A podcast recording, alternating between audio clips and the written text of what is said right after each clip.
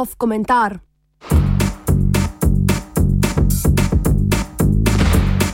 Izguba stika z realnostjo.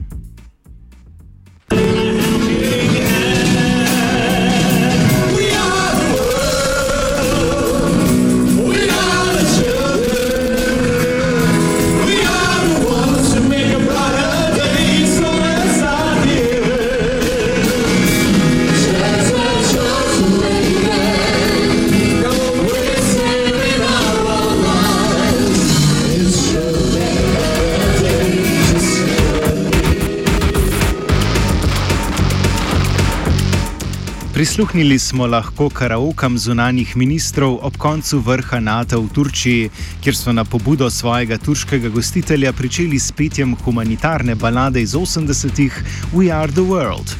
Pripadajoči vizualni posnetek petja lahko najdete v širinah medmrežja ali spletni, obja spletni objavi pričujočega komentarja.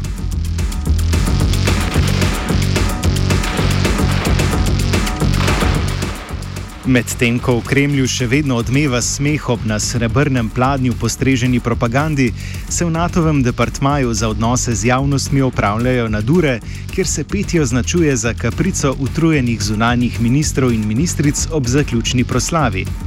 Odziv na NATO-ve karaoke je bil buren tudi na socialnih omrežjih, kjer se giblje med posme posmehom in nejevernostjo v absurd prikazanega.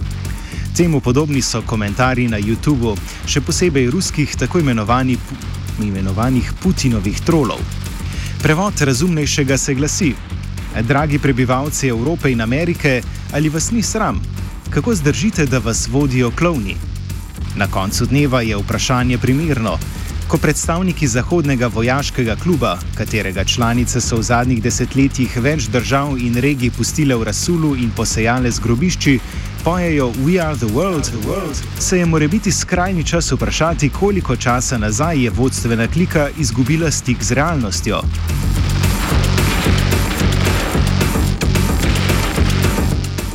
Eden izmed pevcev, natančneje NATO generalni sekretar Jels Stoltenberg, je med drugim oznanil, da bo alijansa povečala število svojih odposlanikov na ukrajinskem obramnem ministrstvu.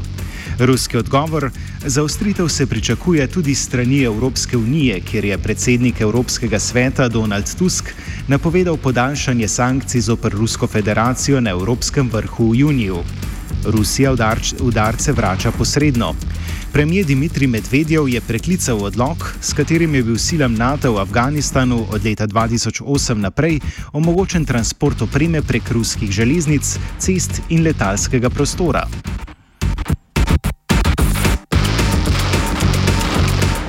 Ameriška in ruska stran si medtem pošiljata dvoumne signale. Odvil se je nepričakovan obisk zunanjega ministra Združenih držav Amerike Johna Kerryja v ruskem Sočiju.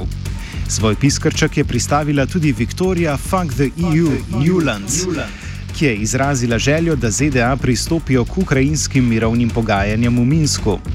Oboje se je odvilo po odobritvi 200 milijonov dolarjev vojaške pomoči Ukrajini strani ameriškega kongresa. Kijev medtem sanjari o novi železni zavesi.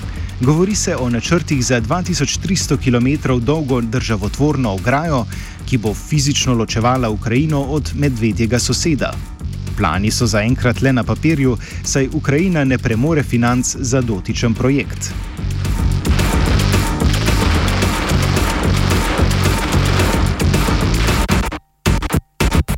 Tudi druge fronte NATO in njegovih članic ostajajo vroče. V soboto so ameriški specialci na vzhodu Sirije ubili Abuja Sajafa, enega izmed vodilnih mož islamske države. Po drugi strani so le dan kasneje v Iraku slavile sile ISIS-a z zauzetjem mesta Ramadi, nedaleč stran od glavnega mesta Bagdad.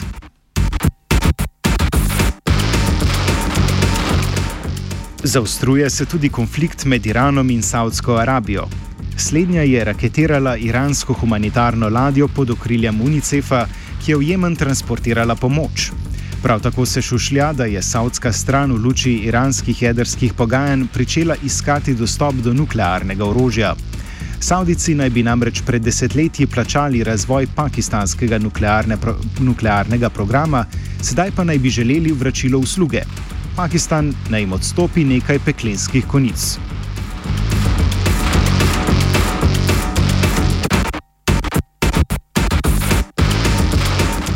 Za konec se ne sme pozabiti Pacifiškega teatra, kjer so Združene države napovedale napotitev dodatnih sil v Južno-Kitajsko morje in ustanovitev sveže pomorske baze na Filipinih. Kitajska odločitvi ostro nasprotuje. Obenem iz kitajskih vojaških krogov prihajajo vesti, da ljudska armada nadgrajuje svoje balistične rakete z bojnimi glavami MIRF. Posebnost slednjih je, da lahko nosijo več jedrskih konic hkrati, vsako posebej pa se lahko usmeri na svojo tarčo. Dodatna prednost sistema je, da število konic onemogoči obramne poskuse klatenja le njih. Prihodnost bo torej svetla in vroča.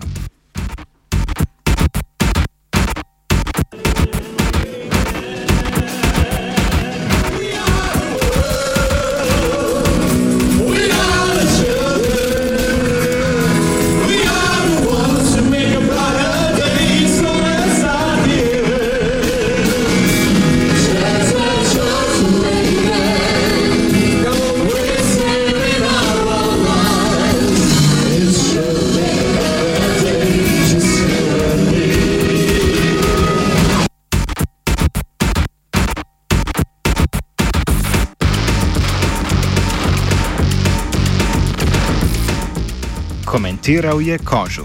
Uf!